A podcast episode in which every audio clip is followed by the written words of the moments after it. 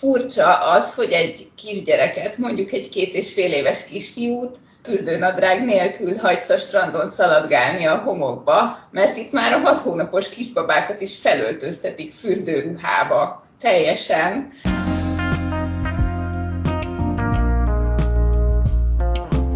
Ez a Kalandvágyból külföldre podcast Dórával. Bea informatikus és egy kaliforniai ösztöndíj hozta elő belőle a kalandvágyat. Korábban nem is gondolta, hogy egyszer külföldön fog élni. Az ott töltött idő sok egyéb szempontból is szemléletformáló volt számára. Egy éve Kanadában él férjével és három éves kisfiúkkal, de hamarosan tovább hogy hová kiderül az adásból. Ha tetszett ez a rész, nyomj egy lájkot, és hogy nem maradj a továbbiakról, iratkozz fel a csatornára. Ürmös Beáta vagyok, Magyarországon Szegedben nőttem fel, informatikusként végeztem, és dolgoztam is programozóként. Ilyen pénzügyi alkalmazásokat fejlesztettem, főleg befektetési bankoknak. Ösztöndíjjal voltam kint egy évet Kaliforniába, közvetlenül miután befejeztem az MSC-t. Aztán visszamentünk Budapestre, az akkor már férjemmel, már ő is jött ki velem, és onnantól kezdve folyamatosan azon agyalunk, hogy hogyan jussunk vissza Kaliforniába, illetve ez kicsit változott az évek alatt, de, de ez a vágy, ez bennünk van, hogy, hogy mi nem akarunk Budapesten maradni akkor 60 éves korunkig, hanem, hanem még valami hiányzik. És lettetek egy kanyar Kanadában. Az az igazság, hogy az évek alatt rájöttünk, hogy nem olyan könnyű az USA-ba legálisan kijutni, nagyjából így lehetetlennek tűnik Másrészt nagyon jó volt fiatalon, egészségesen gyerek nélkül egy évig Kaliforniába, de amúgy az USA nem az az ország, ahol annyira családdal a legjobb élni. Miért nem jó családdal? Hát nagyon-nagyon drága az egészségügy, meg az oktatás. és így ez a kettő az épp elég nagy teher ahhoz, hogy ne, ne ott akarjon az ember gyereket felnevelni. Szóval időközben született egy kisfiunk, aki most három éves, és onnantól kezdve már az is fontos volt, meg hát nyilván, ugye mi nem nagyon járunk orvoshoz, de azért ő igen, meg még fog is valószínűleg, szóval ott, ott nem tudjuk ezeket megspórolni, hogy jó, hát egy évig akkor nem költünk orvosra, és hát nyilván iskolás is lesz majd, úgyhogy uh, igazából a tengeren túlra próbálkoztunk. USA-ba, Kanadába, Ausztráliába, Új-Zélandra nekünk. Ezek voltak a nagy álmaink, és Hát mind a négy ország álmunk volt, és, és nem teljesen mindegy volt, hogy hova, de Kanadába kaptunk először lehetőséget, úgyhogy eljöttünk. Miért pont ezek az országok voltak az álmaitok? Mi, mi az, ami vonz benneteket? Ebben mondjuk egyébként tök jó a szakmátok, tehát azzal aztán tényleg a világ bármely pontján el lehet helyezkedni. Én egyébként nem gondoltam korábban, hogy külföldön akarnék élni, még amikor elkezdtem az egyetemet, meg befejeztem, meg az első gyakornoki munkahelyemet kerestem Magyarországon, és ez az amerikai ösztöndíjas csak adódott úgy, hogy hallottam róla, és akkor kijöttünk, és nekem onnantól kezdve lett szerelem az óceán, a nyugati part Észak-Amerikában, Hát Új-Zéland meg Ausztrália azok ilyen utazós álmok voltak, és Ausztráliába el is jutottunk három hétre, ami nagyon-nagyon kevés volt, és azóta is visszavágyom. De hát adott volt, hogy angolul beszélünk mind a ketten. Azért az is adott, hogy ezekben az országokban nem olyan egyszerű kijutni, egyikbe se így hosszú távú munkavállalási célból. De ezek voltak, amik, amikről azt éreztük, hogy na ezért érdemes költözni. Hogyha ide lehetőséget kapunk, akkor érdemes így otthon felszámolni mindent, és, és itt újra kezdeni, és azért ez, ez egy küzdelem, és valahogy Európába egyik ország sem bonzott annyira, hogy azt éreztük volna, hogy azért megéri. Szóval ez, ez részben ilyen szerelem, ne, nem tudom. Próbáltam megmagyarázni, de, de egyszerűen csak megfogott Kalifornia, és nem csak Kalifornia, hanem a, az óceán, a hegyek, a, a nyugati part itt Amerikában. És ez hasonló. Nem teljesen ugyanolyan, de hasonló az egész nyugati partnak a légköre, a természeti adottságai. Hát az időjárása nem, az itt kicsit rosszabb. Kaliforniáról mesélj. A természeti adottságokon, a természeti szépségen kívül mi volt még, ami ennyire tetszett neked, hogy úgy érezted, hogy oda te vissza akarnál menni, és ott tudnál élni? Szerintem részben kicsit az időzítés, meg a személyes dolgok miatt is, hogy az volt az első olyan évünk a férjemmel, amikor nem egyetemisták voltunk, hanem elkezdtünk dolgozni, sokkal nagyobb szabadságunk volt, így hétvégére magunknak szerveztük a programokat, nem az volt, hogy vizsgára kell tanulni, Szóval, hogy így ez az érzés, de egyébként is San Francisco mellett éltünk, mert ott kaptam gyakornoki munkát a völgybe, ahol egy csomó cég indult, két naponta egy új cég, vagy hát ilyenekről viccelődtek, és nagyjából amúgy igaz is volt, szóval nagyon alapból a környezet, az emberek olyanok voltak, hogy mindenki kipróbált mindent, én ott tettem így magamévá olyan dolgokat, amikre korábban sose gondoltam, vagy így természetes volt, hogy jó, hát befejezek egy egyetemet, akkor nyilván ezt fogom életem végéig csinálni, és hogy nem, egyébként ez nem nyilván, és egy csomó ember egy csomó mindent kipróbálhat, változtathat, és ilyen, úgymond ilyen apróságokat, ilyen szemléletbeli dolgokat írtam így magamba. Az utazásnak a szerelme is innen jött. Én korábban nem gondoltam volna, hogy így a környező országokon kívül olyan sok helyre el fogunk jutni, mert hát egyébként így nem ezt láttam magam körül sem a, a családban, hanem hogy van ugye Horvátország, ami nagyon szép, oda járunk nyaralni, és tényleg nagyon szép, de hogy akkor jöttem rá, hogy én eljutottam Amerikába, akkor így eljuthatok máshova is. Szóval ilyen döbbenetek sora volt nekem az az év, és hát emellett meg Kalifornia gyönyörű, hatalmas, magyar szemmel kicsit felfoghatatlan is messziről, hogy, hogy mekkora. Van óceánja, hegyei, vulkánja, mamutfenyőerdei sivatagjai, és egyébként nagyon imádunk túrázni, és, és azt is ott kezdtük még jobban. Találkoztunk egy csomó utazóval, amerikaival is, meg nem amerikaival is ott a nemzeti parkokban, akik 60 évesen túráztak, meg 6 hónapos kisbabával túráztak, és az is így formálta a szemléletemen, hogy hát egyébként nem csak 20 évesen lehet utazgatni, hanem hogy így nagyon sok lehetőség van, amire én így nem gondoltam alapból, mert nem, nem úgy nőttem fel, hogy ezek számomra természetesek voltak. Egyébként könnyen barátkozós, könnyen ismerkedős ember vagy? Magamat nem tartom annyira, annak a férjem sokkal inkább az, de ott úgy éreztem nagyon egyébként, hogy alapból úgy boldogak és nyitottak az emberek, aminek szerintem a napsütéshez is köze van, mert Kaliforniában tényleg nagyon sokat süt a nap, és elképesztő, hogy mennyire keveset esik az eső.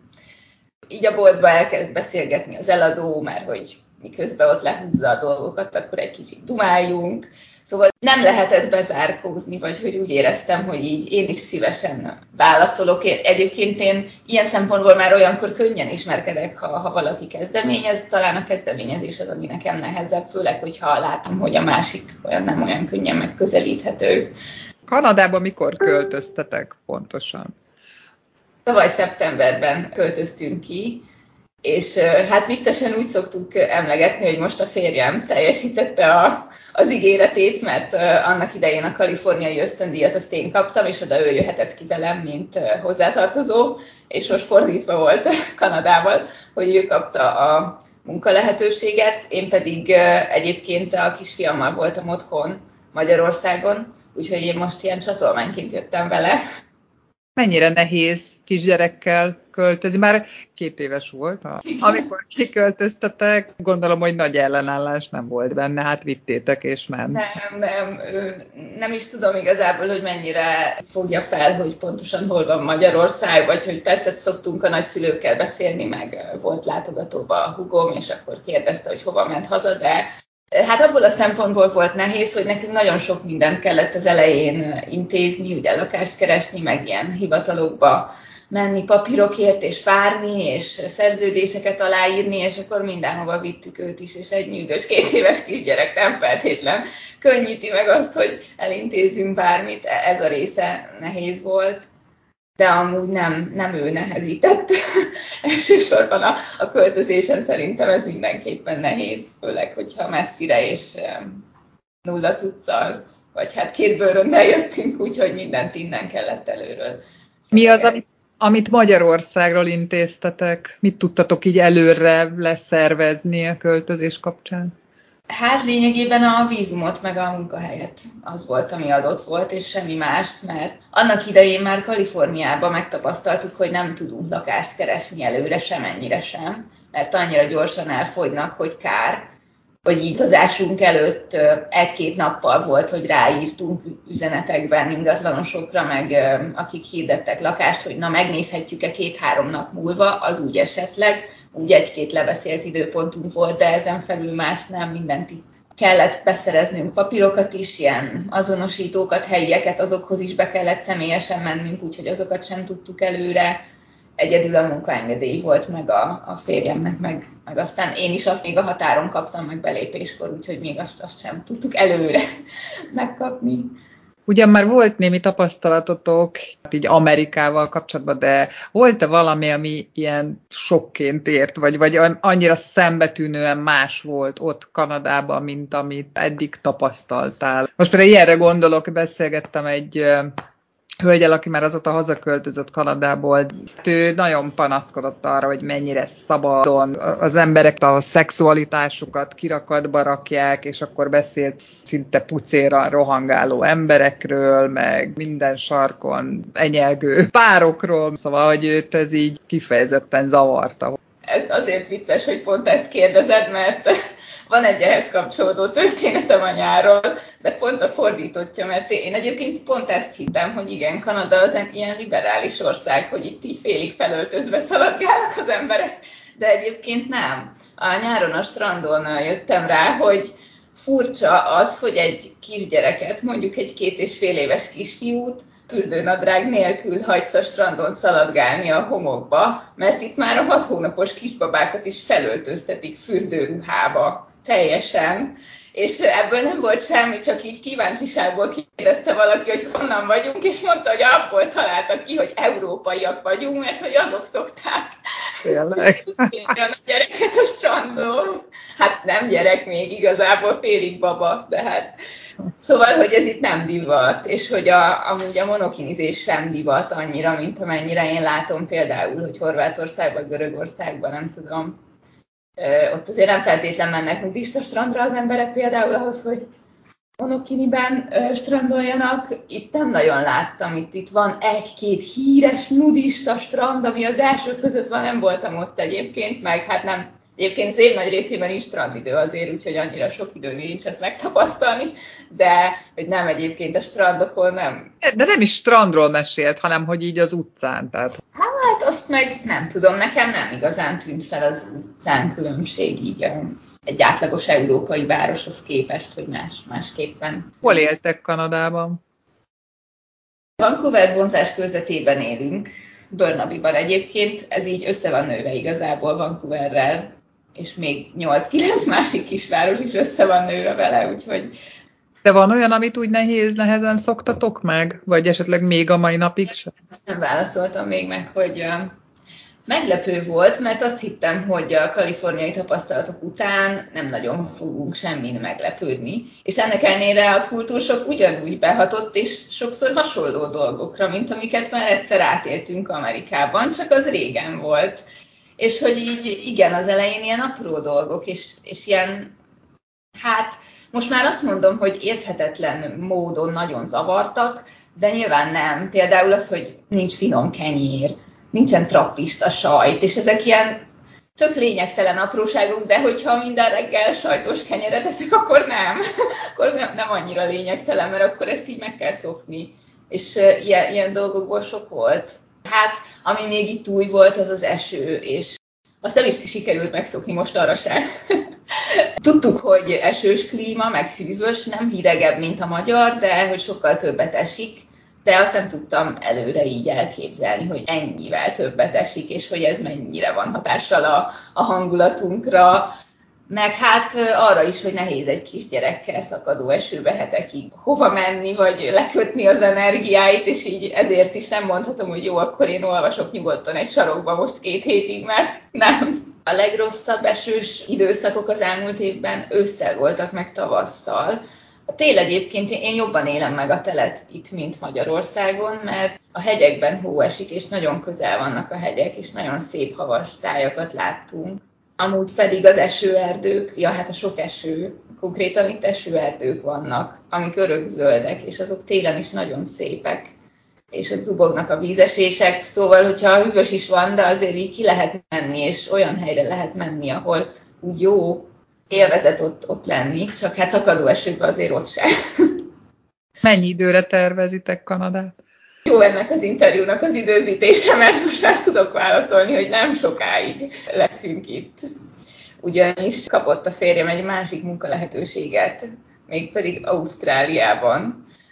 És ez már korábban alakulóban volt, csak hát ezek nem olyan gyorsak ezek a dolgok, úgyhogy még itt a papírmunka az még mindig tart, de most már reméljük, hogy konkrétan egy-két hónapon belül el fogunk költözni egy másik helyre, ami szintén nagyon-nagyon nagy álmunk volt, és az egyetlen ö, olyan dolognak is megfelel, ami itt nagy szívfájdalmunk ez az időjárás, és hogy azért nem azt képzeljük el, hogy hogy egész életünkben egy ilyen klímán tudnánk élni. Mi azért szeretjük a meleget, meg a napsütést mind a ketten, és így Kaliforniának is ez a varázsához azért hozzáadott nagyon sokat. A mindenféle mérges állatok, kígyók, rovarok, pokok nem riasztanak vissza Ausztráliától? Engem egyáltalán nem. Ez is egyébként ilyen kaliforniai dolog. Én ott találkoztam először azzal, hogy vadállatok vannak így körülöttem, amikor túrázok, csörgőkígyók, medvék, pumák, és nem, nem nagyon volt afférunk egyikkel se, láttunk néha egy-kettőt, de így valahogy annyira ez is ilyen felszabadító élmény volt, hogy egyébként itt vannak csörgőkígyók, és én meg itt túrázok, és ez tök jó. És egyébként nem, nem, akkor sem féltem, és azóta sem félek vadállatoktól. A szüleitek, a kis babátoknak a nagyszülei mit szóltak ahhoz, hogy ilyen messze éltek a kis unokával, és nem láthatják őt, amikor csak akarják? Hát nem örültek neki. Ennek a részének azért mi se örülünk, mert ez nehéz azért ideális esetben többször látná a, a nagyszüleit nyilván, ha ott lennénk. De hosszú távon annyira azt éreztük, hogy valahol fel kell egy olyan életet építeni, ahol 60 meg 70 éves korunkban is azt fogjuk érezni, hogy itt úgy mindennel együtt megvan a teljesség, és ezt valahogy nem találtuk meg otthon. Egyébként nem, nem, nem azért jöttünk el Magyarországról, mert hogy milyen rossz volt ott, de így valami azért hiányzott. És vannak kompromisszumok, amiket azért meg kell tenni, és szerintem az egyik legfájdalmasabb kompromisszum az ez, hogy akkor így nincsen közel a család, és ez nekünk is nehéz nyilván, de így, így még nehezebb egyébként, hogy a, van egy három éves kisfiunk, de most egyébként nagyon jó élmény volt, hogy a hugom jött látogatóba hozzánk, és akkor viszont nagyon sokat voltunk együtt, és nagyon intenzíven, mert ugye folyamatosan itt laktak nálunk, úgyhogy egy kicsit ez reményt is adott, hogy egyébként hosszú távon ez így tud működni, hogy lehet kapcsolat, csak másként kell megszervezni mert ritkábban fogunk találkozni, viszont akkor hosszabb időre és többet leszünk együtt, mint egyébként otthon, amikor mondjuk egy napokra vagy egy délutánokra találkoztunk. Jártok haza? Most szeretnénk hazamenni, mielőtt kiköltözünk Ausztráliába, de hát ez egy nehéz pont volt. Egyenőre nem voltunk azóta otthon, hogy kijöttünk, és nem is tűnt valószínűnek, hogy olyan könnyű lenne Ugye itt is utazgattunk a nyáron, hát azért jöttünk ugye alapból ki, hogy itt éljünk és lássuk, lássuk ezt a helyet, csak hát nincs túl sok szabadság, és ahhoz egy olyan munkahely kellene, aki együttműködik abban, hogy lehessen dolgozni mondjuk távolról, ami az IT-ban nem elérhetetlen, csak mi ugye munkaengedéllyel jöttünk ki, ami egy adott céghez köt, és amit ők megengednek, az meg van engedve, ami amit nem, az pedig nincs egyenlőre. Amíg nem ér el az ember egy magasabb státuszt, mondjuk egy állandó letelepedést, addig nem válthat szabadon munkát, úgyhogy egyenlőre ilyen megkötésekkel vagyunk azért kint, és így nem olyan könnyű. Honvágy, mint olyan, van-e bennetek időnként? Mm, most már nem. Az elején, az első hónapokban én nehezen viseltem. A férjem az sokkal könnyebben egyébként, ő, ő valahogy rugalmasabb érzésvilágú, vagy könnyebben alkalmazkodik, nem tudom melyik a jobb szó, talán mind a kettő igaz rá. Én nagyon ragaszkodom dolgokhoz, és most is nagyon kötődöm már, már egy év után is a mostani otthonunkhoz, meg itt a környező helyekhez ahova hát szoktunk. Ausztráliában, majd Kanadában lesz honvágy. Igen, biztos vagyok benne, hogy hiányozni fog, szóval én az első hónapokban nagyon vágytam vissza így a Budapestre, a barátainkkal töltött, családdal töltött időre, a Balatonnál, az egész minden előtte nyáron volt, és amit már búcsúként éltem meg, mert már tudtuk akkor is, hogy majd jövünk, ha amint a vízum meg lesz. De egyébként azóta nem, azóta így konkrétan, mintha elvágták volna ez a két-három hónap után, amikor így a kultúrsokkos dolgok is lecsillapodtak, megszoktuk, hogy az a normális, ami itt a normális, onnantól így nem. Hát a család hiányzik, de ezt én nem honvágynak mondanám, mert akárhol lennének, hiányoznának. Említetted, hogy két bőröndel költöztetek. A ruhán kívül mi az, amit okvetlenül és mindenképpen vinni fogsz magaddal, mondjuk Ausztráliába, amikor tovább mentek? Van-e olyan tárgy, vagy bútor, darab, vagy nem tudom, amit, amit mindenképpen bele kell, hogy legyen a bőröndbe? A kisfiamnak a plüsmacia és a legkedvesebb játékai.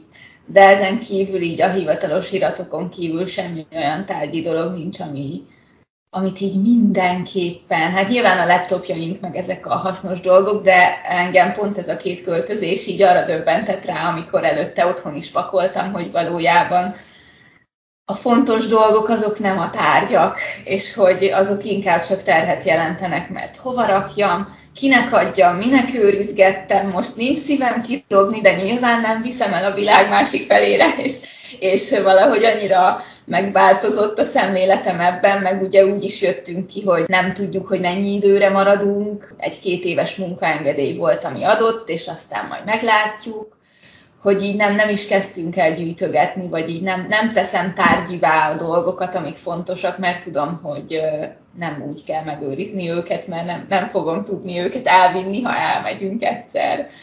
Utolsó kérdésem, hogy van-e olyan történet, amit így megosztanál a hallgatókkal, ami már ott Kanadában történt veletek? Érzelmes, szomorú? Hát ez nem egy konkrét történet, de választok egy vidámat akkor, mert most pont most múlt el a nyár, és nagyon sok kedves emlékem lett, és az egyik az az, hogy kétszer voltunk így két hétre sátorral kempingezni, amit én korábban egyszer próbáltam, még akkor nem volt a férjem a férjem, szakadt az eső három napig, és mondtam, hogy soha életemben többet nem fogok sátorozni. Ez is a nyár közepén volt egyébként Ausztriában. És azóta eltelt tíz év, és szóba sem került a sátorozás, de most Kanadában megint. Részben azért, mert ez a legolcsóbb és a legrugalmasabb utazási forma itt, és amúgy nagyon sokan kempingeznek lakóautóval vagy sátorral, és nagyon jó élmény volt. Néha fáztunk azért még nyáron is a hegyekbe, de nagyon jó volt kisgyerekkel is, nagyon élvezetes volt a, a kisfiunkat is nézni, ahogy lelkesen viszi a szögeket, a, hát nem szögeket, ezeket a kis leszúró boszokat, meg mindenfélétől lelkesen segít a sátort felállítani, akkor ott együtt aludtunk a sátorba, és nagyon szép helyekre jutottunk el, és így úgy éreztem az a, az, az idő alatt, hogy egy meseországba járunk. Megyünk kicsit arrébb, leverjük a kis sátrunkat megint, és egy újabb gyönyörű helyet fedezünk fel, és alig vannak emberek, mert Vancouveren kívül egyébként nem egy sűrűn lakott tartomány Brit Columbia.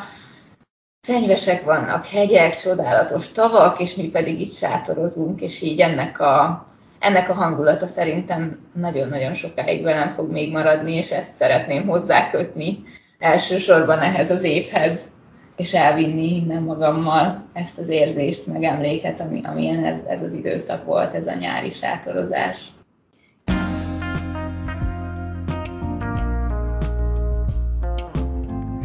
Remélem, hogy tetszett az adás. Ha nem szeretnél lemaradni a következő epizódokról, érdemes feliratkozni a csatornára. Találkozunk a következő részben jövő szerdán.